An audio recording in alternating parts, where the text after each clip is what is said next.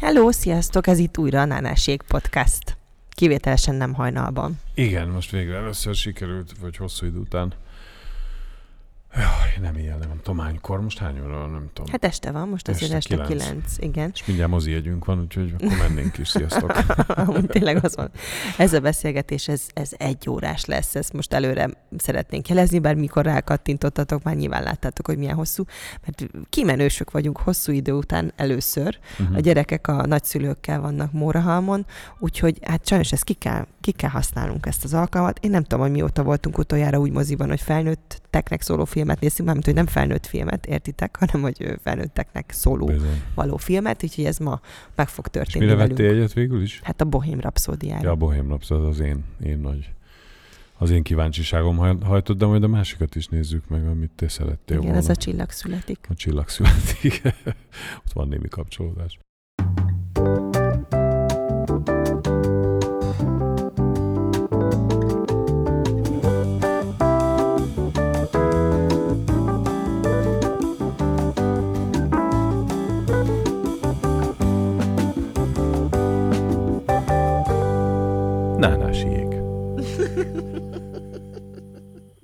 Gondolkodtunk, hogy milyen jó kis témát boncolgassunk, és hát nyilván mindig azok a témák működnek jól, amik aktuálisan nagyon izgatják a fantáziánkat.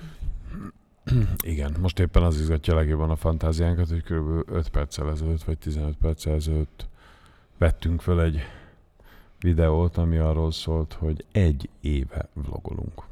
Igen, hát ez egy élő bejelentkezés ez egy volt. Élő bejelent. Hát a jó, YouTube-on. nem vettük föl, igen, csak belebeszéltünk a telefonba. Egy évvel ezelőtt ö, kezdtük el a, a csatornánkat, és hát tényleg ö, ezt ott is elmondtuk, hogy megváltoztatta az életünket teljes egészében, és ennek van egy olyan aspektusa is, ami nem feltétlenül pozitív, mert nyilvánvalóan annak nagyon örülünk, hogy, hogy egyáltalán ezek a videók megszületnek. Előtte is nagyon sokat utaztunk, nagyon szerettünk utazni, de nyilván amikor már így elkezdtük a, a vlogot kicsit komolyabban venni, és tudatosan szervezni az utazásainkat, az azért így rányomta a bélyegét az összes szabadidőnkre, ami, ami maradt. Bizony, úgyhogy hát az pont egy év az, az, az elegendő információ volt arra, hogy valamilyen módon az életünket e köré kell szervezni, és most, most jutottunk egy pont, azért ez pont az egyéves évfordulónkon ünnepelhetjük, hogy valószínűleg lesz egy vágónk, aki majd segít nekünk Igen. ebben a dologban.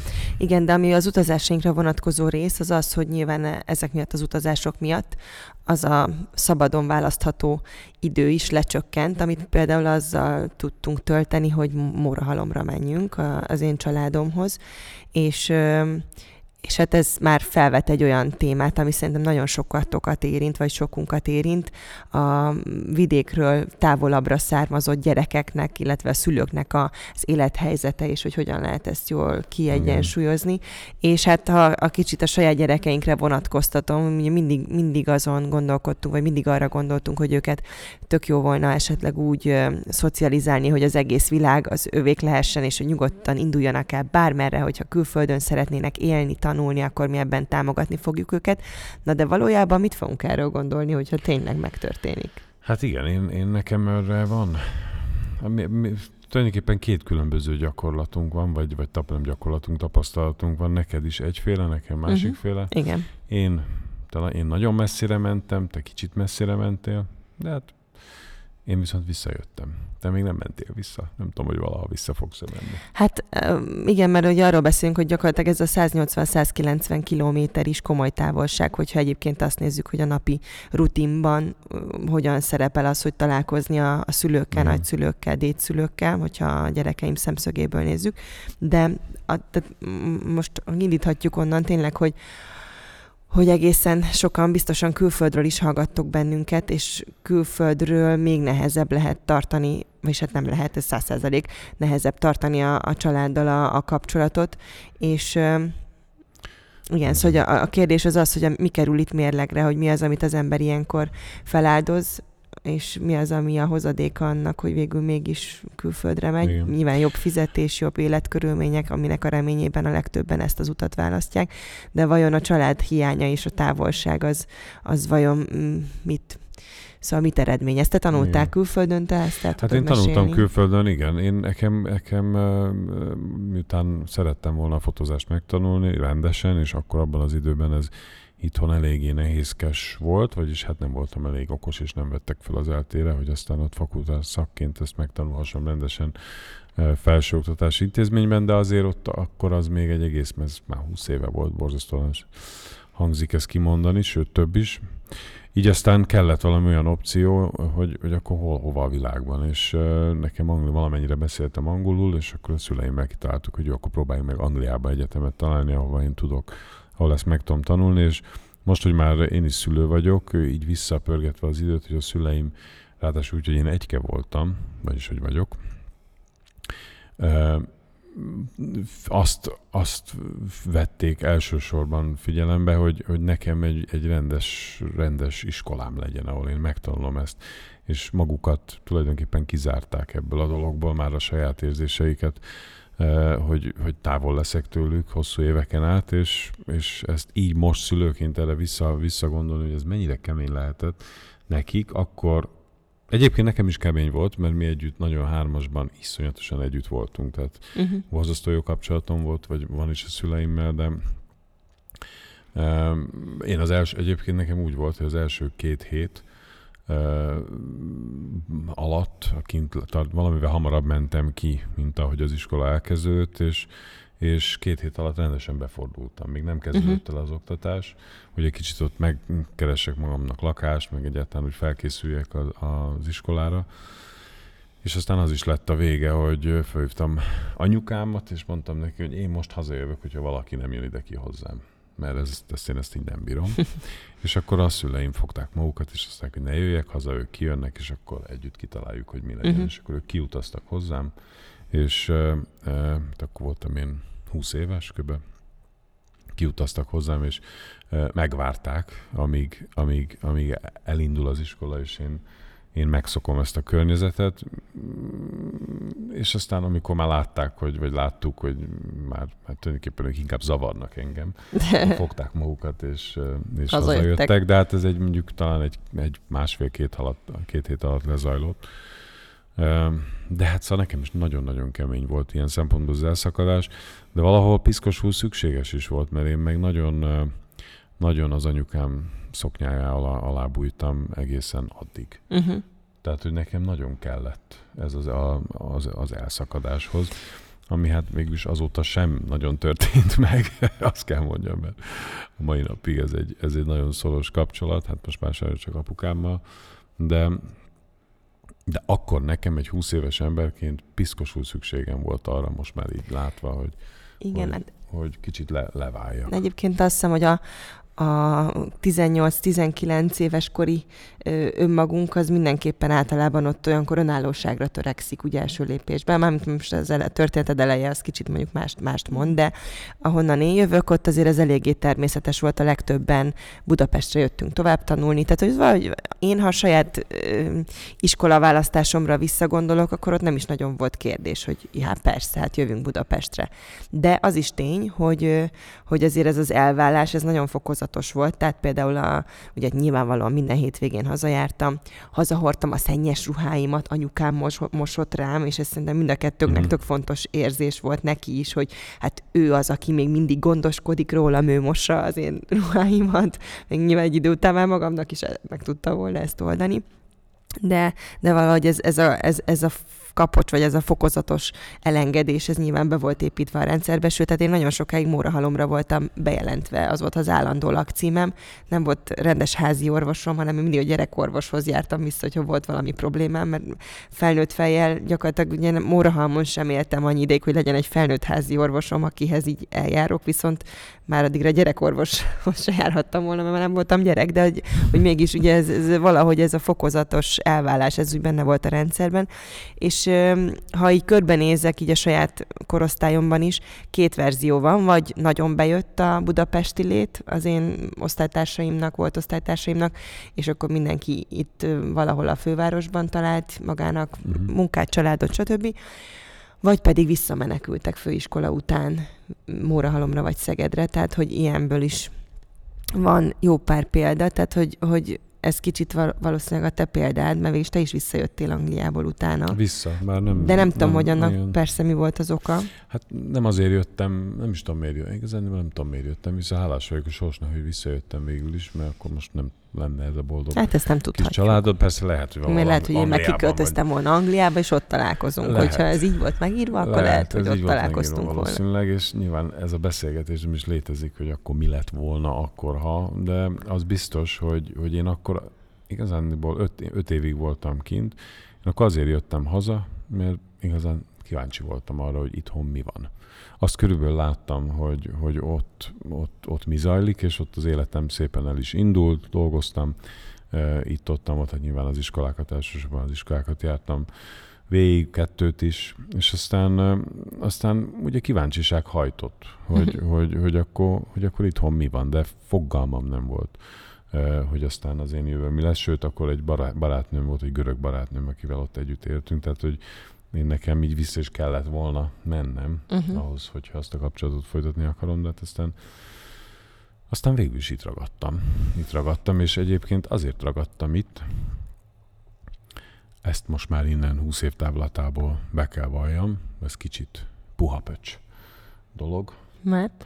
Hát a könnyebb ellenállás felé mentem. Uh-huh. Tehát, hogy az volt, hogy én, én Angliában tanult magyar emberként, vagy diákként azt a tudást és azt a tapasztalatot, amit ott szereztem, hoztam haza egy olyan szemléletet, ami, ami itthon kicsit olyan furcsa volt és szokatlan. Uh-huh. És akkor És- és... nyilván újszerű. És újszerű, így van, és ö, ö, a portfólióm teljesen készen volt, tehát egy jó iskolát jártam ki, vagy jó iskolákat jártam ki, ahol felkészítettek a, az életre, de az itthoni ö, körülmények azért nyilvánvalóan ettől sokkal inkább estek hasra. Vagy uh-huh. az, Mhm. az itt a magazinok, a reklámügynökség, tehát mindenki, aki nekem Tehát munkát ott rögtön volt adhatod. munka lehetőség. Mo- Rögtön, igen, rögtön volt munkalehetőség. Ha Angliában maradok, nyilván London a mai napig ilyen. Ö, ö, ha ott maradtam volna, akkor, akkor az egy sokkal keményebb menet lett volna az elején, és ez nekem nagyon imponált. És ö, tulajdonképpen én, én azt gondolom, hogy ezért, ezért maradtam itt, mert, mert kreatív emberként az volt a, a, leg, legvonzóbb, hogy dolgozhatok és csinálhatok, és valaki van, aki engem alkalmaz, van, aki... Bár ott is volt munkám, csak valahogy itthon sokkal inkább indult be az életet. Egy jó darabig két laki életet éltem, utazgattam körülbelül két éven át, még utaziskola után itt is voltak, meg ott is, szóval hogy az egy ilyen eléggé intenzív időszak volt, de hát abban szép lassan azért úgy belefáradtam. Hát igen, és az hát utazás. elindult az élet. Igen, az... Szóval, hogy Az a utazás nagy... az nehéz mi Az persze. utazás, ez egy nehéz persze, műfaj, ezt mondjuk mi. tudjuk. Hát amúgy tényleg nehéz műfaj. Most Nehéz. bárki bármit mond, tehát maga Igen. az elindulás, összepakolás, ö, otthon érezd magad itt is, ott is, szóval Igen. azért ez egy nem, egy- nem egy könnyű, ö, könnyű műfaj szerintem. Persze. Meg hát nyilván a, család, a családnak a hiánya, vagy a távolsága, meg az ezt való áthidalás, szóval az is egy ilyen nagyon, Igen. nagyon, Igen. nagyon melós dolog, és hogyha az ember folyamatosan dolgozik, kifáradt hétköznapjai után hétvégén szeretne a kanapéra rogyni, akkor utána azért ez egy komoly, Igen. komoly meló, hogy akkor még ahelyett inkább beül az autóba, és korán indul, és meglátogatja a családját. Vagy hát felül a repülőre, és meglátogatja a családját, mert nyilván itt ebben Igen. ez is benne van.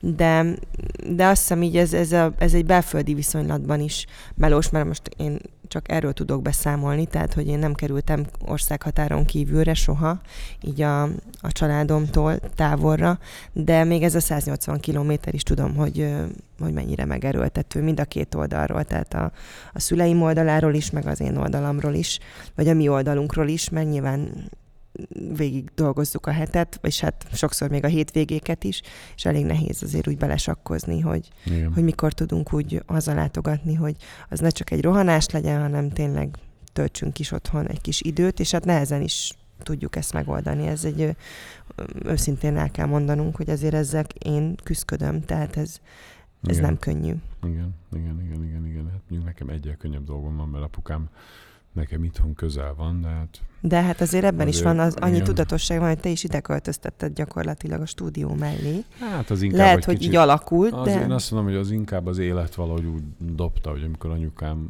mm, felköltözött a, az égbe, akkor nyilvánvalóan a, hát apunak, apunak én maradtam, vagyis hát mi egymásnak voltunk, és, és hát ez egy teljesen gyakorlatilag meg se fordult a fejem, vagy meg se fordult a fejünkbe, hogy ez máshogy legyen, ez még akkor, akkor még uh-huh. nem is, akkor mi még nem is ismertük egymást, amikor, ja, mi, nem, nem, nem, amikor nem. mi már nagyon össze voltunk bandál, vagy, vagy, vagy kapcsolódva, vagy szóval már az előző stúdiómban is azt ő, egyébként ott kialakítottunk neki egy lakást, tehát hogy ez így egy teljesen, teljesen egyértelmű dolog volt, hogy miért, miért, miért, miért kéne nekünk külön, hát mi vagyunk az a két ember, aki a legközelebb vagyunk egymáshoz, akkor, akkor gyerünk, akkor ezt valahogy úgy együtt fogjuk meg egymás kezét, és oldjuk meg. Nyilván itt ebben volt egy őrületes nagy veszteség, már anyukámnak a vesztesége, ami hát mi egyébként is együtt voltunk, de azért az nagyon, nagyon még sokkal közelebb hozott minket egymáshoz, úgyhogy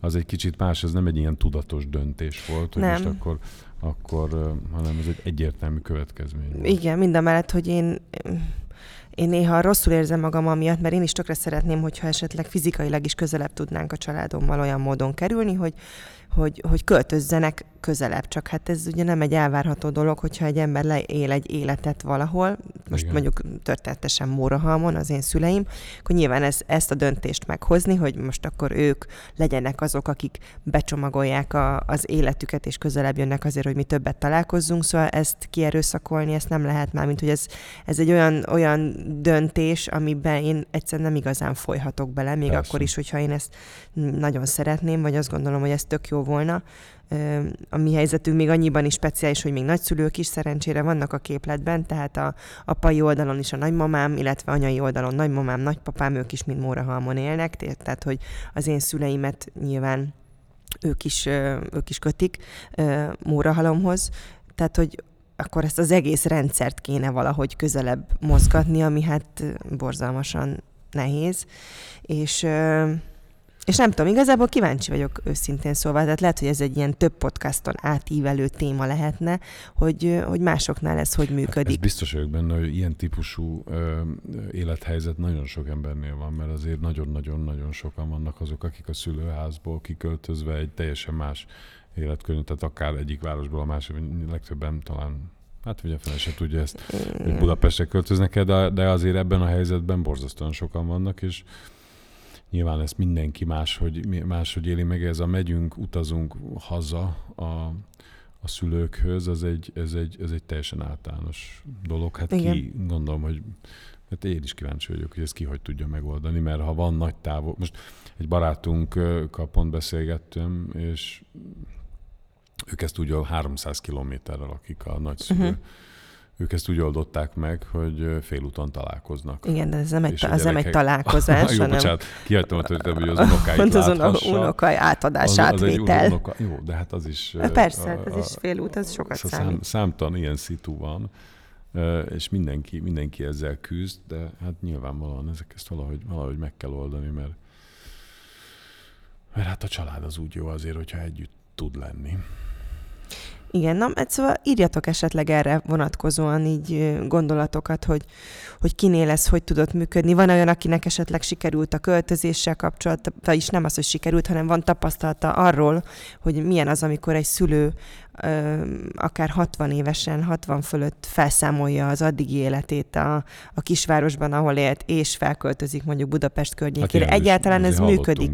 Működik-e? Vagy nem érzi jól magát, nem találja meg a helyét? Mert egyébként most a baráti körünkben történik egy ilyen folyamat, tehát a, gyakorlatilag a legjobb barátaink, akikkel egy utcában lakunk, ott, ott most a barátnőm anyukája, ő, ő felköltözik ugyanabban az utcában, ahol mindannyian lakunk, ott, ott ö, alakítanak Igen. ki neki egy otthont. Nem a saját házukban, hanem egy másik házba fog költözni, de például nagyon kíváncsi vagyok, hogy, hogy, hogy ez hogyan fog működni. Mondjuk ő elég sok időt töltött eddig is itt, tehát valószínűleg ez, ebben olyan nagy rizikó nincsen, hogy ő nem fogja otthon érezni magát, vagy feltalálni magát itt ebben a környezetben, de, de közben én érzem ezt a fajta felelősséget, hogy lehet, hogy én most rábeszélném a szüleimet egy ilyen váltásra, mi nyilván tudnánk ebben segíteni is, hogy ezt, ezt kivitelezzük, akár a nagyszülőkkel együtt, tehát dédszülőstől, mindenestől el tudnám képzelni, hogy mindenki közelebb jön, de mi van akkor, hogyha, hogyha aztán ez ez nem működik. Tehát, hogy, hogy nekem voltak ilyen rózsaszín álmaim elég sok dologról, ami a gyakorlatban kiderült, hogy tökre nem működik, vagy nem úgy, mint ahogy a,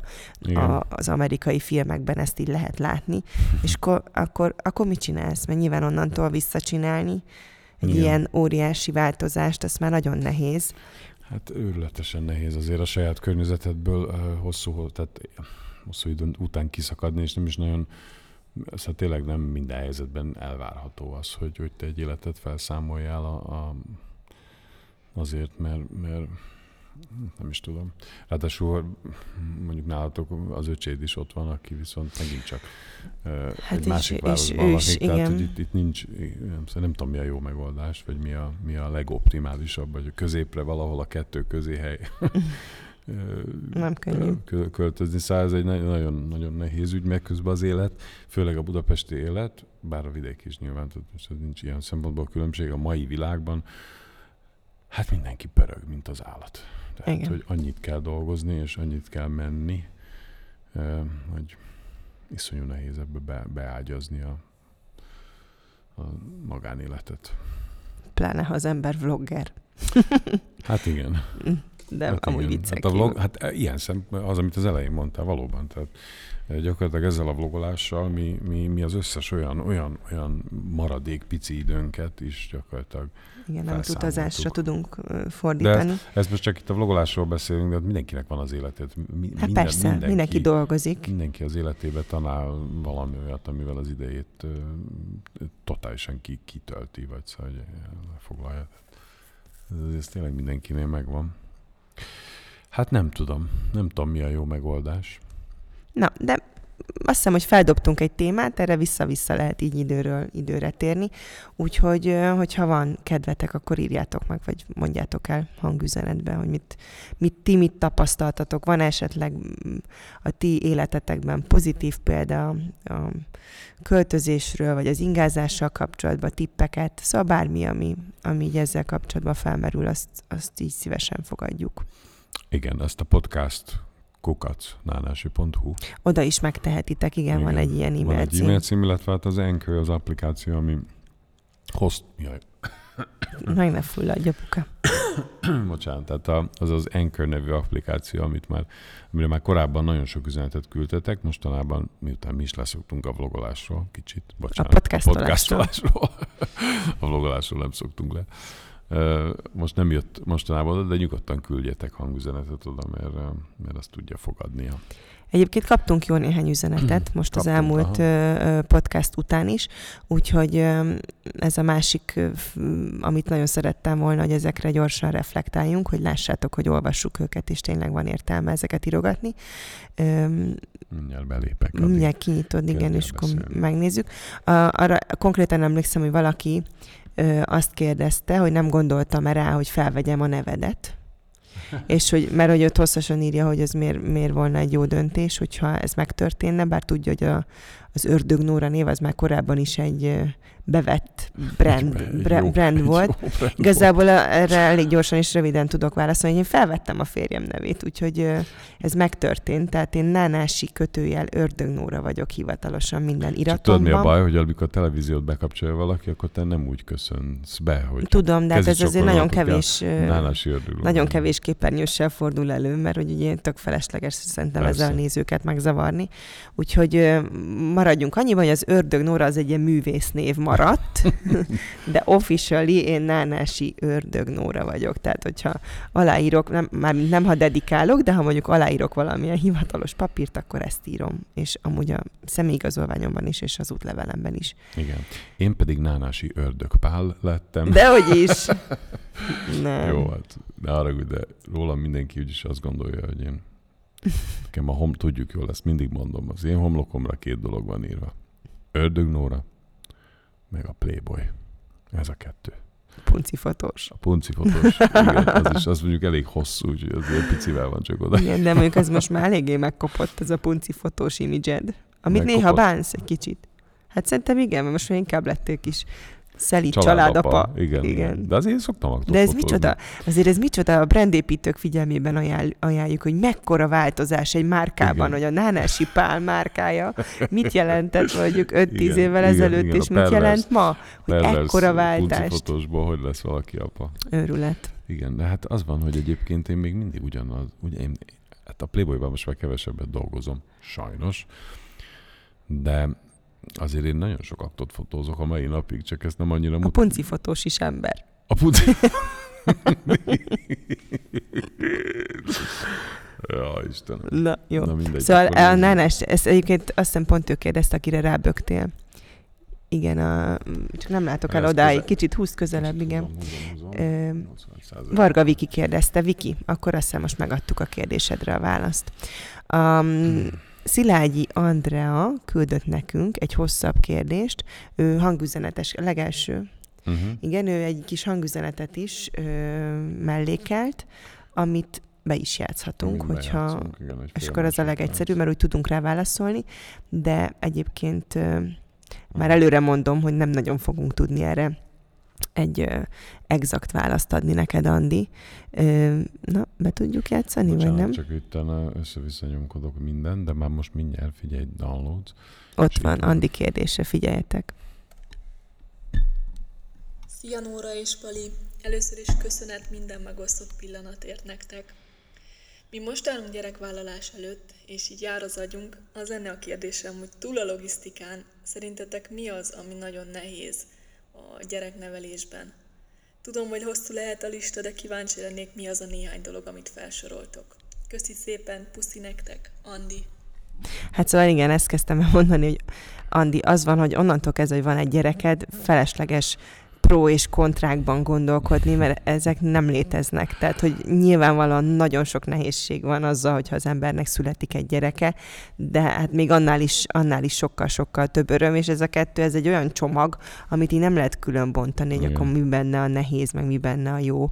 Tehát ez, ez, ha a döntés megvan, hogy szeretnétek gyereket, azt nem az alapján fogjátok meghozni, hogy listát lista, írtok, igen, hogy pozitív vagy negatív, de hát egyébként, ha nagyon ki kéne emelnem, hát nyilván a, a legnagyobb változás az az, hogy eltűnik az igazi spontán ö, spontaneitás az embernek az életéből. Tehát az, hogy te csak így saját szabad akaratodból valamilyen programot mondjuk beiktassál, az nincs. Tehát a, mindig az első gondolat az az, hogy a gyerek az hol van, mi van vele, igen. Ha valamit akarunk csinálni, ez nyilván óriási szervezés, hogy akkor addig kivigyáz rájuk, velük mi lesz, nekik jó legyen, tehát a saját önálló hát hátra kerülsz. dolgaid, igen, azok abszolút a sor végére kerülnek, és hát gyakorlatilag ez a felelősség nem, tehát ez az egyik rész, és a másik meg a, a felelősség, azt hiszem, meg ez a felelősség tudat, hogy mostantól kezdve te tényleg felelős vagy egy, egy emberi lényért, és ha már két gyereked van, akkor kettőért, és minden döntés, amit hozol, az, az egyszerűen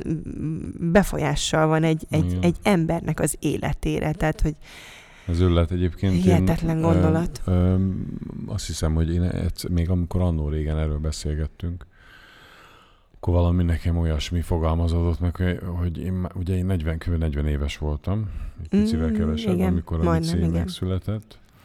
És én ezt valahogy úgy fogalmaztam meg magamnak, hogy már 40 év alatt, vagy 40. évemre már, már, már úgy már úgy, már úgy untam magam. Tehát, hogy már a, a, igazán úgy bele, bele a saját motivációid, amik persze mm. nyilván visznek előre, és nem azt mondom, hogy, hogy elfogyott a motivációm az életben, de, de körülbelül eljött az az idő, amikor már úgy érezted, hogy hát most már, most már lehet valami, jöhet valami, valami új, új valami új feladat, új kihívás, és, és hogy elég volt az a 40 év nekem, de lehet, hogy valakinél lesz 30, vagy lehet, uh-huh. hogy 20, Igen. arra, hogy, hogy, hogy csak a saját gondolataidnak és a saját dolgaidnak. Szóval ez kicsit ezt a, ez a fajta önzés. Tehát, hogyha magyarul fel tudod magadban számolni azt az önzőérzést, hogy csak és kizárólag magaddal foglalkozol, és mindig mindig pont azt csinálod, amihez éppen akkor neked van kedved, akkor... Akkor készen állsz a gyerekvállalásra. Tehát, hogyha nem, ennyi. És uh, vannak olyan ez, tipikus aglegény szemlélet az egyébként, ami, a, aki nem hajlandó. Én azt hiszem, azt, aki nem hajlandó feladni magának ezt az érzést, hogy... Hát igen, aztán lehet, hogy mégis úgy hozza az élet, és aztán rájön, hogy a világ legjobb a dolga. Világ legjobb dolga. Mert ha egyébként persze. meg azt kérdezed, hogy mi benne a jó, akkor arról meg még hosszabb listát lehet írni. De azért mondom, hogy igen, lista nem létezik, tehát egyszer ezt nem lehet külön bontani, ez így egy csomagba jön, és nincs ilyen, hogy pro és kontra. Ez egyszerűen, ez egy, ez egy nagy döntés, és és nyilvánvalóan az outcome az egy, az egy nagy pozitív jel, még a legtöbb nehézségével együtt, és nyilván Igen. nem csak rózsaszín habcsók az egész, hanem vannak benne borzalmasan nehéz, véres, verítékes, könyv, könyvcsorgatós dolgok, de igazából az van, hogy ezt ezt az ember olyankor nem, nem is így értékeli, vagy szóval, hogy, hogy aztán mindig jön a másik oldalon valami olyan nagyon jó, ami Igen. ezt így visszabillenti, tehát Hát igen, figyelj, most igen, valami igen. olyan témáról kéne nem, hát okosat mondanunk pár perc alatt, amiről az élet ja, szól, ami az életnek a, a számomra az élet értelme, úgyhogy ezt így igazából nem is próbálom, Persze. mert csak minél többet mondok, annál hülyébbnek érzem magam. Erre nem lehet, ez a kérdés tulajdonképpen igazából megválasz, megválaszolhatatlan, és ez úgyis belülről kell, az ott belül kell, hogy érezd hogy, hogy egész egyszerűen mi az, ami, a, tehát hogy eljutottál ide, vagy nem. Hogyha ezen egyébként elkezdesz gondolkodni, akkor szerintem lehet, hogy még nem is álltok készen. Igen? Igen, hát a nőknél azért ez a kilenc hónap, ez elég sokat szokott segíteni. Na jó, de akkor már nincs visszaút. Tehát, okay, hát ott már nincs visszaút, de az azért... már egy döntés. Igen, igen, igen, abszolút. Na nézzük, milyen kérdés jött még. Ott Ilona kérdezett valamit. Ilona a megismerkedésünkről és az hát első találkozásunkról szeretne bővebben, de hát ez itt, erről már szerintem volt egy, hát majdnem egy egész, sok, egész podcast beszéltünk. epizód, hogyha visszahallgatod, akkor ott azért vissza, vissza tudod hallgatni a, a történetünket. Hát és ezt így aztán hagyjuk most is. Ezt ömlengős, ömlengős részt azt nem akarnám még egyszer, aztán Viki, a, ja igen, a Black Mirrorral kapcsolatban Black küldött Mirror, pár dolgot.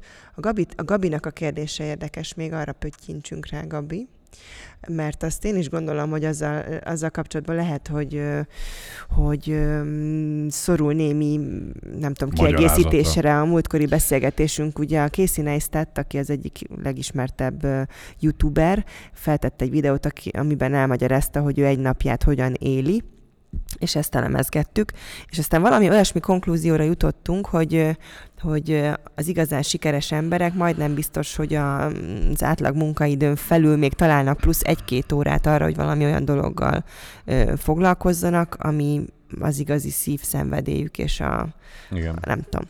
És aztán Gabi írt nekünk egy e-mailt, Ellátsz odáig, apa, vagy olvassam én? Olvastam, én nem látok.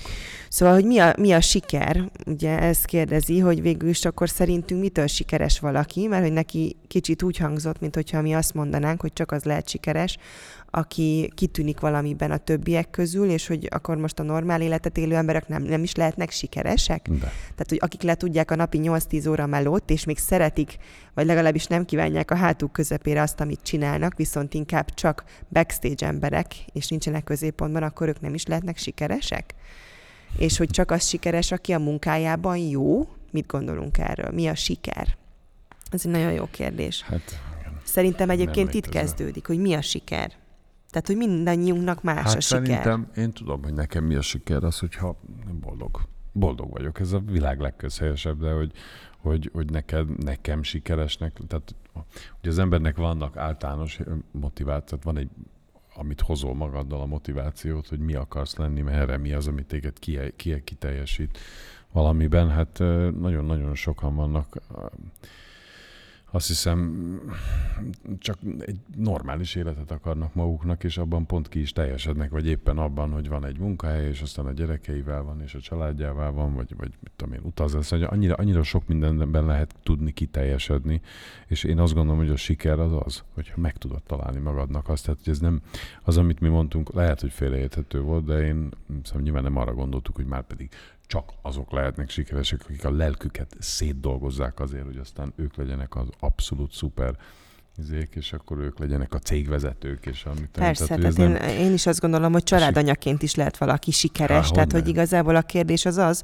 hogy te megtalálod-e azt a dolgot, amiben te sikeres akarsz lenni, vagy ami számodra az abszolút sikert jelenti. Tehát, hogyha te az, akkor érzed magad sikeresnek, mert jól össze tudtad egyeztetni a munkádat a magánéleteddel. Hát az egyébként egy óriási siker. Az egy óriási az... siker. Én óriási van. sikeres ember lennék, ha ezt nagyon, ha ezt tudnám csinálni, de hát nem mindig jön össze.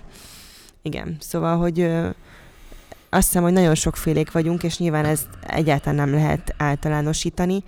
Itt ö, itt egy, mi egy nagyon sikeres embert elemezgettünk, és nyilván próbáltuk kicsit hozzámérni magunkat, vagy így a hasonlóságokat keresni a saját munkamódszereinkben, vagy életvitelünkben.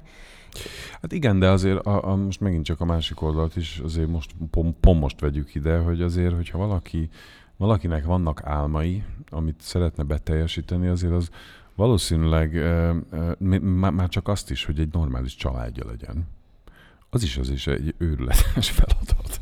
Tehát, hogy azt, azt lehet, tehát az, az, az, azért ugyanúgy tenni kell és küzdeni kell érte, mert általában ezek a dolgok nem jönnek, nem, nem jönnek olyan nagyon könnyen maguktól. Tehát tök, tök mindegy az, hogy legyen egy normális munkája, amit szeret. Én egyébként valószínűleg azt, azt érzem a legnagyobb sikernek, hogyha ha ezt valaki meg tudja találni, úgyhogy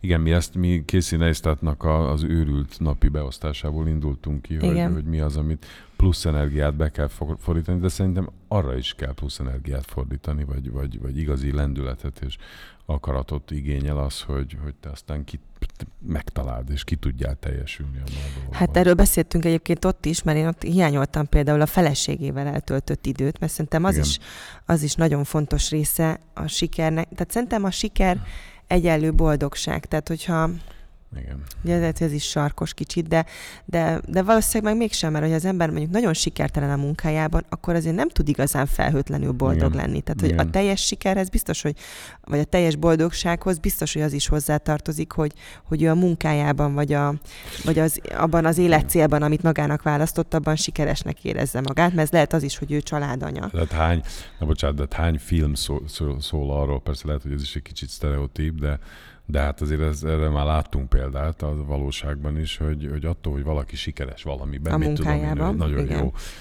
tök mindegy üzletember, vagy zenész, vagy tök mindegy, attól még egy totálisan boldogtalan szerencsétlenség az Igen. egész ember, illetve lehet, hogy, hogy az az, amiben ő kapaszkodni tud, és tud, és ez egy, egyfajta boldogságot jelent neki, de hogy, hogy, hogy ő valóban, valóban azt ténylegesen élvezi-e, vagy az neki e, elég boldogságot jelent, tehát a francia tudja, nem biztos. Tehát ugye a siker és a boldogság azért, ha valószínűleg együtt van, egy, akkor, az jó, akkor, igen. akkor jó, és hát az meg egyáltalán nem azon múlik, hogy te tehát tudsz ahhoz... valamit teljesíteni, vagy nem. Igen, tehát a siker egyenlő boldogság, az nálam úgy van, hogy, hogy a, a siker, tehát hogy nem a siker az egy ilyen csoportfogalom, ez egy ilyen gyűjtőfogalom. Abban benne van a munkahelyi siker, de benne van a magánéleti siker is.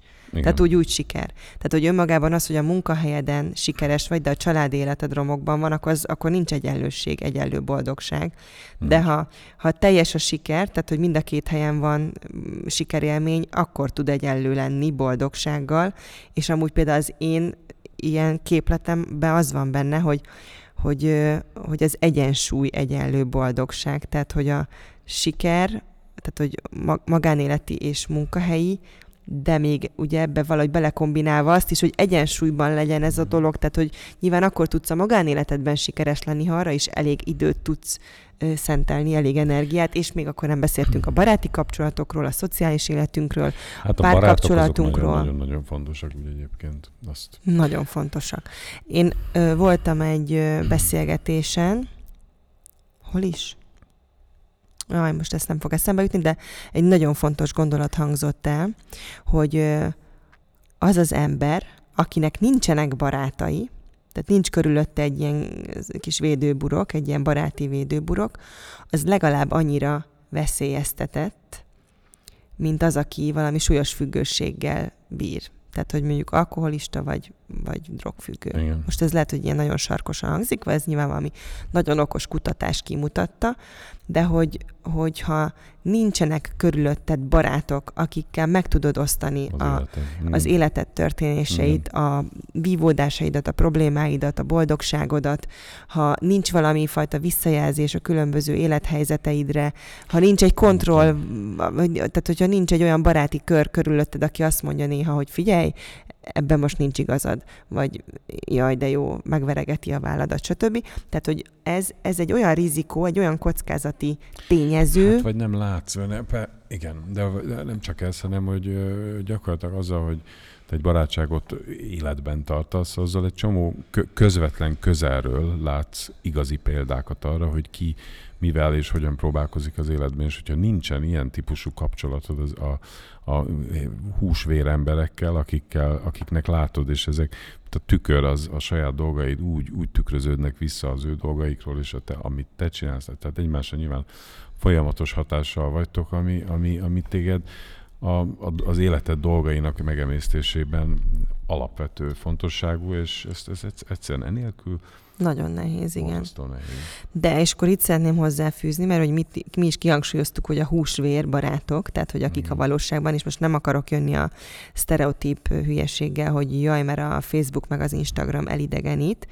Én most itt azt szeretném mondani, hogy szerintem ez nem igaz. A Facebook és az Instagram egyáltalán nem idegenít el abban az esetben, hogyha az embernek nem csak azok az emberi kapcsolatai maradtak, Igen. akikkel az online téren keresztül tartja a kapcsolatot, hanem valóban vannak húsvér valódi barátai is, viszont velük sokkal szorosabb lehet a kapcsolata, hogyha egyszerűen látja az Instagramon, hogy ki merre jár a világban, mi történik vele, vagy a Facebookon kiír valamit az ember, és akkor arra már reflektálnak a barátok, és mikor legközelebb személyesen is találkozunk, akkor nem a nulláról indul a beszélgetés, mert már tudod, hogy mi van vele, hiszen láttad az Instagramon, láttad a Facebookon, hanem már tudunk, a, a, tudunk kapcsolódni, tudok neki utalni dolgokra, amiket tudok róla, és nem onnan indul a beszélgetés, az értékes egy-két óra, amit, amit így egymásra tudunk személyesen Igen. Szentelni, hogy, hogy akkor elmesél, hogy mi volt vele, mert azt én már közben tudom az Instagramról és a Facebookról. Tehát szerintem ez igenis tökre hasznos,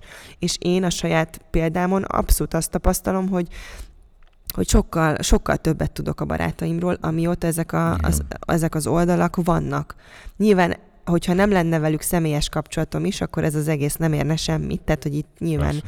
nem, nem arról van szó, hogy ez így eltolódik az egyik irányba, de ugyanakkor, ha nem lenne, akkor meg sokkal kevesebbet tudnék róluk, és ez szerintem tök jó. Abszolút, abszolút maximális egyetértek, de hát nyilván ezt sokan összekeverik azért, mert, mert azt gondolják, hogy, hogy az bőven elég. Hogyha Na de az- ezért kellenek a valódi húsvérbarátok, és itt Igen. már ez megint az a szociális háló, Igen. az a kis védőburok, amiről beszéltünk, hogy nyilván, ha az embernek ez nincs, akkor beléptünk ebbe a kockázati zónába, igen. amiről ez a tanulmány is Igen, mert szólt. a saját levedben főz, gyakorlatilag csak fortyogsz mindenen, minden, nem, nem, tudod kívánni. Én egyszer voltam egyedül Amerikában, soha nem fogom elfejteni, és soha nem csinálok még egyszer ilyet, csak hogy úgy menjek. Egyedül körülbelül egy hétig voltam, Manhattanben sétálgattam föl alá. Három nap után olyan szinten fordultam be, mert egy számtalan hatásért. A világ számtalan, legjobb helyén. a világ legjobb helyén. Olyan helyen voltam, és olyan dolgok történtek velem, ami még soha előtte érdekes emberekkel találkoztam, így, így nyilván csak futólag, de hogy így tényleg olyan hatások értek, és, és egyszerűen nem volt kivel megosztanom. Nem tudtam azt mondani senkinek, hogy ez most isteni volt, vagy ez most borzasztó. Szóval, és, és három nap után rendesen befordultam, és úgy menekültem el onnan. Mert a mert megosztás az nem tudtam élményeknek az is fontos. Igen, igen. És itt van még egy fontos dolog, amit meg Belfastban azon a konferencián, ahol voltunk, uh-huh. ott hallottunk, és én ebbe belekapaszkodtam, mert ezt kicsit magamra is vonatkoztatom, vagy szóval hogy az, azt gondolom, hogy igaz, hogy ugye mm, hallunk ilyen sopánkodást, hogy jaj, mert ott van a koncerten, és akkor, hogy ahelyett, hogy megélni a pillanatot, hogy mindenki a telefonján keresztül ugye rögzíti a mondjuk a Igen. kedvenc dalát, vagy a nem tudom én mit. Azért, hogy utána kirakhassa az Instagramra, vagy a Facebookra, hogy itt és itt járt. És hogy igenis a mai ö, gener- fiatal generációnak, de még magunkat is ideértem, vagy magamat Te mindenképpen, is fiatal vagy, mint Nóra. Hát nem, már nem vagyok fiatal, de most ebben a tekintetben fiatalos, maradjunk ennyiben, hogy nekem Tehát, hogy az, hogy megoszthatod ilyen módon az élményeidet másokkal, az ugyanakkora élmény, mint ott Meg- lenni mint és megélni. megélni. Igen. Tehát, hogy az, hogy, hogy ott vagy és megéled, de nem oszthatod meg, az gyakorlatilag az egy kínszenvedés Az egy is lehet. Igen. Tehát gyakorlatilag ezen nem kell sopánkodni, hanem ez az élmény velejárója, hogy te tulajdonképpen azért is lehetsz ott, hogy aztán ezt utána megoszthasd másokkal, Igen. hogy én itt voltam, és ezt én átéltem, és, és ez legalább annyira fontos része az élménynek, mint az, hogy ott vagy, és egyébként átéled. A megosztás élménye. A megosztás. Az élménye, egy élmény, És igen. aztán az újabb további kommunikációt igényel, akkor azt fogja látni az, amit mondtál, az a barátod, az, az akárki, és akkor azt újra át lehet élni együtt. Szóval én is, én is, én is ilyen vagyok. Persze nem tudom, hogy az mi gyerekeink mire mi oda eljut, vagy mire ők oda eljutnak, hogy felnőtté válnak, addigra ez hová fejlődik és hová megy. De igazániból nem, nem izgulok. Nem izgulok, mert, mert Valószínűleg az azt alapja hiszem, hogy mindig mindennek egy, egy helyes értékítélet, vagy egy helyes értékrend. igen. Tehát, hogy bármilyen helyzet elé is sodorja őket az élet, hogyha hoznak magukkal valami olyan normális értékrendet, ami alapján ők tudnak dönteni a különböző helyzetekben, Jó, hát, és helyesen tudnak dönteni, akkor az jó, csak ezt az értékrendet kéne valahogy jól beléjük táplálni. Igen, de mondjuk mindegy, most nem akarom elmélyíteni még jobban ezt a dolgot. mert az, hogy mi a helyes, hát azt kimondja meg. Tehát nyilvánvalóan az, de- az a helyes, amit ő, a, amit ő beszippant az őt körülvévő világról, nyilv, világból nyilvánvalóan elsősorban a szüleitől, vagy a családból. Tehát a, a, való, a te saját valóságod az mindig az lesz, ami, ami téged körbevet. Igen. Tehát az, hogy mi a Tehát ha mi helyes. hülyék vagyunk, akkor azt gondolja majd, hogy az a hülyeség, amit mi közvetítünk neki, az a helyes, és közben meg Nem, lehet, hogyha hogy mi nem lesz. átverjük őt, hogyha ha eljut odáig a kapcsolatunk, hogy, hogy, hogy valahogy benne átfordul az, hogy az, amit mi közvetítettünk, az egyébként egy teljes baromság. Uh-huh. És nyilvánvalóan a kamasz gyerek az, aki, aki erre a leginkább hajlamos, és aztán így át, min- mindent megkérdőjelez, mindent átfordít, és aztán onnantól kezdve az piszkosul el tud csúszni, de, de hát nem tudom. De mindegy, de el, teljesen elkavarodtunk. De mi- mindegy, hogy elkavarodtunk. vissza, mert most az, az siker, a sikerből jön. Tudom, de mégis ez az egész podcast mindegy, kicsit egy ilyen agymenés, úgyhogy nem baj szerintem, hogyha néha így elkanyarodunk. És eh, továbbá is mondom, hogyha van valami gondolatotok bármilyen témával kapcsolatban, akkor azt nyugodtan osszátok meg velünk, mert ez nekünk jó. Mi legalább tudunk beszélgetni Igen. valamivel. Egyébként nem tudunk miről beszélgetni. Nem, hát azért tudunk beszélgetni. Eh, Le van csúszva, azért nem tudok Ja, bocs, igen, igen, próbáltam megnézni, még milyen kérdés jött. Ö, igen, Évi írt nekünk, és ő azt kérdezi, hogy hogy mi milyen időközönként tudunk kettesben elmenni valahová, és Most- hogy most, mennyi itt idősek voltak a gyerekeink, amikor éjszakára más vigyázott rájuk. Mert hogy nekik egy négy éves és egy egyéves gyerekük van, és eddig kb. egyszer voltak a férjével kettesben. Ajjajajajajaj, Igen. ajjajajaj. Hát figyelj, Ez Évi, baj. ez ba, hát mondjuk ezt mi, mert nekünk nagyon, nagyon komoly igényünk van azért arra, hogy mi kettesben is legyünk. Mindenkinek van igénye rá, ez nem igaz. Nekik is Igen, biztos, meg kell. Szerintem, hát a négy éves már egészen biztosan rá lehet bízni, de már az egy évest is. Egyébként én hallottam valami ilyen ö, okos, okos szabályt, aztán nem tudom, hogy ez mennyire igaz, hogy ahány éves a gyerek, annyi éjszakát képes a gond nélkül a szülei nélkül tölteni. Igen. Tehát, hogy egy egyéves Csak gyereket is már... adjon neki azért. Kirakod a lépcsőre, Jó. és reméljük, hogy ott gyakran elmegy Mm. valaki, és odadom neki. Jaj, de vicces. Nem, de hát nyilván, a- hogy nem tudom, hogy nektek milyen Hát segítségetek van, hogy a nagyszülőkre, igen, persze. mennyire tudtok számítani, vagy esetleg más baráti társaságból valaki be tudja vállalni őket, akár így ketten együtt, mert akkor ez a két gyereknek is jó, hogy, hogy legalább a tesó ott van, és akkor ez szerintem szerintem rád így már, hogy van egy négy éves, meg egy egy éves, ez talán nem jelenthet akkor a problémát. Én biztos, hogy, hogy, hogy próbálnék valami rendszert vinni a dologba. Most ahhoz képest, hogy ennyi idő alatt egyszer voltatok együtt, így kettesben, ahhoz képest most durva, amit mondod, de hetente egyszer legalább kéne, hogy legyen egy felnőtt esti programotok, szerintem. Vagy mi próbáljuk ezt így intézni, aztán van, hogy Jó, sikerül, van, hogy nem. sikerül, igen.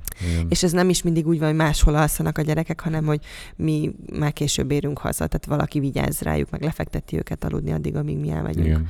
mondjuk barátokkal találkozni, vagy mit tudom én étteremben. Most azért nem mondom a mozit, mert Isten tudja, mikor voltunk utoljára moziban, És viszont ma megyünk, megyünk. Úgyhogy befejeznénk az nem, még nem, még egy kicsit. Még van még egy kis idő. Még 10 percünk van pont. Az Úgyhogy, tökéletes. szóval, hogy ö, ö, de nagyon font. Tehát, hogy nem is kell mindig, hogy ők máshol aludjanak, hanem nyilván először én úgy kezdeném, hogy valakit oda hívni hozzátok, és akkor a helyszín az, az változatlan, de ennyi idősen már a nagyszülőkhöz is szerintem el lehet őket, el lehet őket vinni, és akkor mert azért az egy egészen más minőség, amikor mm. viszont ébredni is úgy ébredsz, hogy hogy nincsenek ott a gyerekek. Igen. Tehát... Nem kell félni, egyébként sokan félnek attól, hogyha a gyerekeiket, tudom, láttunk már erre is, nem, nem egy példát a környezetünkben, akik így rettegnek attól, hogyha úristen odaadják a nagyszülőknek, akkor majd ott az milyen, vagy nem feltétlenül a nagyszülőknek, bárkinek, hogy akkor a gyerek majd ez lesz, vagy az lesz. Persze le, nyilván lesznek nehéz pillanatok, de, de egyszer ezt valamikor el kell kezdeni, és nem lehet folyton azt gondolni, hogy már pedig csak is és kizárólag a te, hogy a szülők társaságában maradnak életben ezek, ezek a gyerekek. Tehát ez nyilvánvalóan nem igaz. És, és nektek meg iszonyatosan nagyon nagy, legalábbis nyilván én magamból indulok ki, én valószínűleg rövid idő alatt fordulnék be, hogyha nem tudnánk mi ketten együtt lenni, vagy nagyon fontos. felnőtt beszélgetéseket folytatni, mert az... Mi nagyon hiszünk abban, hogy a gyerek akkor boldog, hogyha a szülei is azok, tehát, hogy ahhoz meg nyilván kell, hogy mi is tudjunk kicsit váltani Igen. apuka-anyuka üzemmódból, még akkor is, hogyha viccesen így szólítjuk egymást rendszeresen, és erről majd megpróbálunk leszokni, mert már erre is kaptunk kritikát, vagy megjegyzést, hogy... Rendben, anya. Ne hívjuk egymást apának vagy anyának. Ez szerintem addig nincs azért olyan nagy baj, hogyha ez nem okoz benned gátlásokat, amikor rám nézel, akkor nem azt gondolod, hogy nem tudom, szóval, hogy nőnek látsz. Igen, tehát, hogy nem, nem, nem, nem egy izét látsz bennem, igen, egy ilyen mind a két hónom alatt lóg egy gyerek, és egy ilyen nem tudom. Nem akarok, nem, akarsz, nem, akar nem, senki, nem akarom senkit megbántani, igen. Szóval, hogy amíg nőnek látsz, na, ennyi a lényeg. Ez a lényeg. Addig igen, hívhatsz igen. akár, hogy tőlem nagyinak is hívhatsz. Nem. Nagyinak? Foglak még annak is hívni, remélem hát én is egyébként, igen. Úgyhogy mi arra biztatunk titeket, Évi, hogy legyetek bátrak, és kezdjétek el, és ha tűzzétek ki ezt a heti egyet, de, de a, a két heti egyet mindenképpen szerintem ez, ez egyszerűen nagyon fontos, hogy ne forduljatok be. Muszáj. Bizony, bizony, bizony. bizony. Muszáj, hogy csináljatok felnőtt, felnőtt programokat. És hát most itt írtál a kérdések végére értünk, ugye? Ott a puszisat még nem néztem meg, de azt hiszem ő csak egy puszit küldött. Puszike. Eszter, Eszter Lénárt. Nézd, ezt megnézed? Nem, van beszélgetés is legkínosabb sztoriaink közül tudnánk-e felidézni hát párat, amik eddig történtek, és hát megnevettetne minket. És akkor van még egy kérdése Eszternek, hogy szeretnénk-e még gyereket, és hogyha igen, akkor mikor? Hát, hát ebben is lehetünk őszinték. Lehetünk. Mi azt hiszük, hogy most már mi készen vagyunk. Igen, nem Egybe szeretnénk van. több gyereket. Összegyűlt mindenki, akit szeretnénk, hogy ebből a családban Nánesi család most úgy tűnik, részt hogy vegyen. Ilyen módon ilyen módon készen van. És nagyon szeretném, hogy ez a felvétel, ez egy, tudom én, egy, egy év vagy egy két év múlva nem úgy lenne vissza. Valaki az orrunk alá dörgöli. Igen. Nem, félreértés ne essék, ha egyébként jönne egy harmadik gyerek, szerintem mi lennénk a legboldogabbak. A legboldogabbak Tehát az, hogy ez, ez, pont az a kijelentés, ami egy perc alatt fordul át, hogyha Igen. mégis valami másképpen alakul az életben. Tehát, hogy nyilvánvalóan boldogan, boldogan fogadnánk, hogyha... Fogadjunk hogyha... örökbe. Mit mondasz? hát jó, mert még ezzel is elgondolkodunk.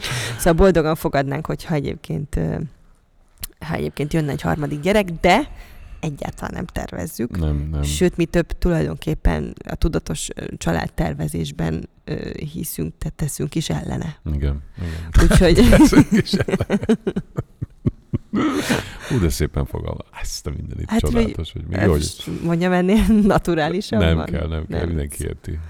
Tehát a lényeg az, hogy nem, nem tervezzük. Én is azt gondolom, hogy ez egy olyan törékeny egyensúly, amit itt próbálunk életben tartani, a munkánk, a, a hobbing, a közös családi hobbing, nevezzük ennek a vlogolást, bár ez azért egyel komolyabb is ennél, meg a, a magánéletünk, a családi életünk között, hogy gyakorlatilag, ha most még egy gyerek mi, még egy gyereket bevállalnánk, az valószínűleg egy kicsit felelőtlen döntés volna, és nagyon-nagyon haragudnék magamra, hogyha ha aztán ezt a törékeny egyensúlyt úgy billentenék ki, hogy, hogy mondjuk szét is potyan tőle ez a Most azt hallottam egyébként, rendszer. hogy a csók az már két gyerekre is érvényes. A csók? Mi? A csók program. Azt hittem, hogy a csók. Nem, Csóktól lesz nem, egy csók harmadik. Csak három, de nem három. csók, hanem csak Csok. Jó, hát jó, mindenki tudja, hogy arról beszél. Hát nem, én Csok. nem tudtam. Én eszembe Csok. nem jutott, Jó, mert csok. soha nem vonatkozott a Csoki, csok. a úgyhogy- csoki program. Na mindegy. Tehát ezt soha életemben nem olvastam el, hogy kiknek, kiknek jár a csok. Na mindegy, most nem tudom, hogy hogy jutott eszembe. Nem, mert csak valakivel beszélgettem, és azt mondta, hogy, hogy ők, ők, ők, pont erről beszélgettünk, hogy egy gyerek, két gyerek, három gyerek, és ugye, a, a, ugye eddig csak három gyerekesekre vonatkozott. Hát aztán most Aha. tényleg messzire kanyarodtunk. Igen. és most azt Tehát hogy már most második. Tehát már annak is A örülnek. csok miatt nem vállalnánk A csok. három gyereket. Nem, de egyébként sem. Nem mindegy. gondolkodtunk, ez bocsánat, teljesen... elnézést, ezt véletlenül ide kevertem, az agyamba így random felugranak dolgok, és ezt én kimondom. Igen. Egyébként nyilván, hogyha nem tudom, hogyha valami hiányérzetünk lenne így a, a kialakult helyzettel kapcsolatban, tehát ha mondjuk nem egy fiunk, meg egy lányunk lenne, meg Igen. ha nem lennének tökéletesek, de nyilván tökéletes minden gyerek, szóval ez, ez Igen. az egész beszélgetés tulajdonképpen nem létezik. A lényeg az, hogy mi ezt most így annyira, tehát ezzel tudni kell a csúcson abba hagyni című A gondolat, csúcson. Csúcson. hogy, hogy nem, nem, nem. Hát igen, most sajnos azért mindegy, most nem akarom megint drága pistánkat ide keverni, de most azért egyre kevesebben lettünk, és Igen. ez, most nem tudom, hogy mikor lesz arra újra erőm, elsősorban nekem, hogy, hogy újra valakit befogadjunk, vagy, vagy, vagy Pistának az emlékét, hogyan ki, mi az, aki, vagy ki, ki, ki az, aki átrajzolja majd, hogy tudom én. Na mindegy, szóval Hát, mm, azért még egyel többen leszünk egyszer, az biztos. Ezt akarom mondani, hogy ebben mondjuk viszont meg száz százalékig biztos vagyok, hogy, hogy lesz majd mi még nekünk kutyánk, Igen. de azt hiszem ez is egy olyan téma, amiről meg még korai beszélni, mert most Korai ez még még egy kicsit beszélni. korai a... Nem válaszoltunk erre, de hát A nyilván ez kínos egy, ez egy mesélés. Szerintem most ebből már- csinálunk majd egy külön podcastot, ilyen kínos sztorikból, mert mondjuk össze tudok szedni egyet-kettőt. Hát Aztán ebből nyilván... Ez elég nagy baj lenne, nem tudnánk. Nyilván majd ebből még fognak jönni újabb, tehát hogy egy, egy, egynél elindul a lavina, és akkor majd még eszembe fog jutni még öt, vagy tíz, mert hogy azért az ember elég sok kínos sztorit él át így életében, és most egy pont eszembe Na, jutott. egy-egy gyorsan. Nekem is eszembe jutott egy, de én nem... Igen? De ez, Ötven, ez, nem tudom, miért pont ez jutott eszembe, csak a gyerekek miatt, amikor a Shrek előadásra elmentünk, emlékszel? Nem. És A... Azt emlékszem, de mi volt? az, hogy a szünetben jöttek-mentek az emberek, és jött a Szente Vajk, aki a darabnak a rendezője. Ja. És, és nekem ez nem állt össze, hogy ő a rendező, de te képbe voltál, mert te ráadásul fotóztad is a szereplőket, és akkor én jó szórakozást kívántam neki a, a darab hátralévő részhez. És utána mentünk vissza, vissza a És székhez, később és mondtad, hogy hát te ő a rendező. Hülye vagy? Na például ez, ez csak egy ilyen aprócska beégés a száz Jaj, de közül. csodálatos volt. Igen. Egyet én is gyorsan elmesélek. Na. De ezt lehet, hogy már elmeséltem, mert ez, ez az egyik leg, legborzalmasabb. Amikor kimentem, elkezdtem Angliába dolgozni egy magazinnak, eh, és ők felkértek arra, hogy menjek el, mert az a város, ahol én ott éltem, ott pont a Spice girls az egyik, aki ez aktuálisan egy fut, valami futballistának volt a felesége, azt hiszem. David Beckhamnek hívják. Nem, nem, nem, de hogy is. Hát azért Nem, azt tudom, de azért, a- bár lehet, hogy azt se ismertem volna fel, az abszolút benne van. Sporty Spice. Nem, a Sportinak volt akkor is, de nem biztos. Nem, igen, mert a. Posh Spice felesége. A Posh- vagy a Posh Poshnak Spice, a, a a- David Beckham. igen. Nem volt most is, hát ő. Na jó, de már, a, de, Igen. na mindegy. De nem ő volt az, mert ez a Sporti volt, akit, akit nekem fel kellett volna ismernem, de ők akkor kezdtek, tehát akkor már nagyon ismertek voltak, borzasztóan. De én nem, nem tudtam. Azért úgy arcról így, így, így csípőből nem vágtam. És az, a főszerkesztő eljött velem erre a bulira, és így oda mutatott, jaj, fölököm a mikrofont, így oda mutatott, hogy ott ül az a csaj, azt fotózzam, fotózzam, fotózzam. És én fotóztam is egész álló este. De valaki tök más. De nem a sportit, Ne. hanem a közvetlenül mellette ülő csajt. Ne.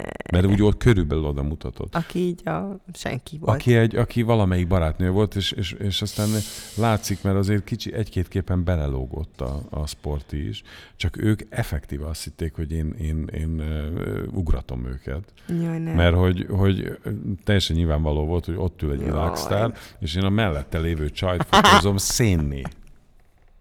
De fogalmam nem volt, hogy most melyiket. És ez borzasztó volt. Ez borzasztó volt. Utána mentem vissza, és aztán nyilván nem, akkor nem derült ki, mert én akkor konstatáltam a kedves, a drága aranyos főszerkesztő, hogy szupi, minden megvan az anyag. Oh, számtanképpen van róla, úgyhogy minden, minden isteni. Hát aztán, amikor megnéztük a képeket együtt másnap, akkor... Kiderült, hogy így annyira Akkor még nem volt digitális gép, tehát akkor még filmre kellett Jaj. fotózni. Tehát nem volt az, hogy így megmutatod, hogy, hogy fiú, ő az, ő az, ő az, tehát nem volt ilyen. Jó, A nekem volt digitális olyan, technika az, hossz, az, az azért barátunk. igen, nekem van két olyan SMS-em is, amit annak az embernek küldtem, akiről írtam, de valaki másnak akartam küldeni. Ajjajjaj, ez az igazi, ez az, ez az De nem volt, nagy hál' Istennek nem volt ilyen nagyon drámai, de azért egyik sem volt annyira kellemes, és mindenkivel meg tudtam beszélni, és még szóba is állunk, de azért ilyen vágja a pofákat, meg nem tudom, ilyesmit írtam valakiről, és aztán gondosan elküldtem neki. és tök hívtam, hogy ő, hát ne haragudj, mint ezt gondolom, sejted, ezt nem neked akartam elküldeni, hanem Ez valaki másnak ez a, rém, ez a rémálom maga. Igen, tehát, hogy ilyen... Nem ilyen... kéne valakikről valamiket gondolnod, Nóra. Jó, hát de mindannyian gondolunk valakikről Persze. valamit, azért ilyen van. Hát van, és persze. nem nyomdafestéket, nem tűrő dolgot írtam, csak... Csak gondoltál. Csak gond... Nem, nem így gondoltam, csak elküldtem, de... Na viszont az a szomorú hírem van, hogy mennünk kell. Kezdődik a, moziba. mozi. Úgyhogy Majd tényleg hogy milyen volt. tűpontosan tartjuk itt az egy órát. Ö, igen, hát ez tényleg egy ilyen fél éves időtartamon belül ez az első mozi élményünk, ami ránk vár, úgyhogy most bocsássatok meg nekünk, hogy ez a podcast, ez csak egy órás lesz, de azért az se kevés. Így van. Na, Hát, hát figyelj, akkor ennyi hülyeségről már rég beszéltünk egy ennyi üreség, podcaston egy, belül. Egy levegővel. Nem baj, most ez ilyen, most ez ilyen lett. Jöhetnek a kérdések, tehát Kérdések, ugyanarra, de kommentek, ezt már elmondtuk, hogy hova. podcastkukacnánási.hu, nánási, tehát nem nánásiék, csak majdnem azt mondtam, tehát podcast, podcast, kukac, nanasi.hu.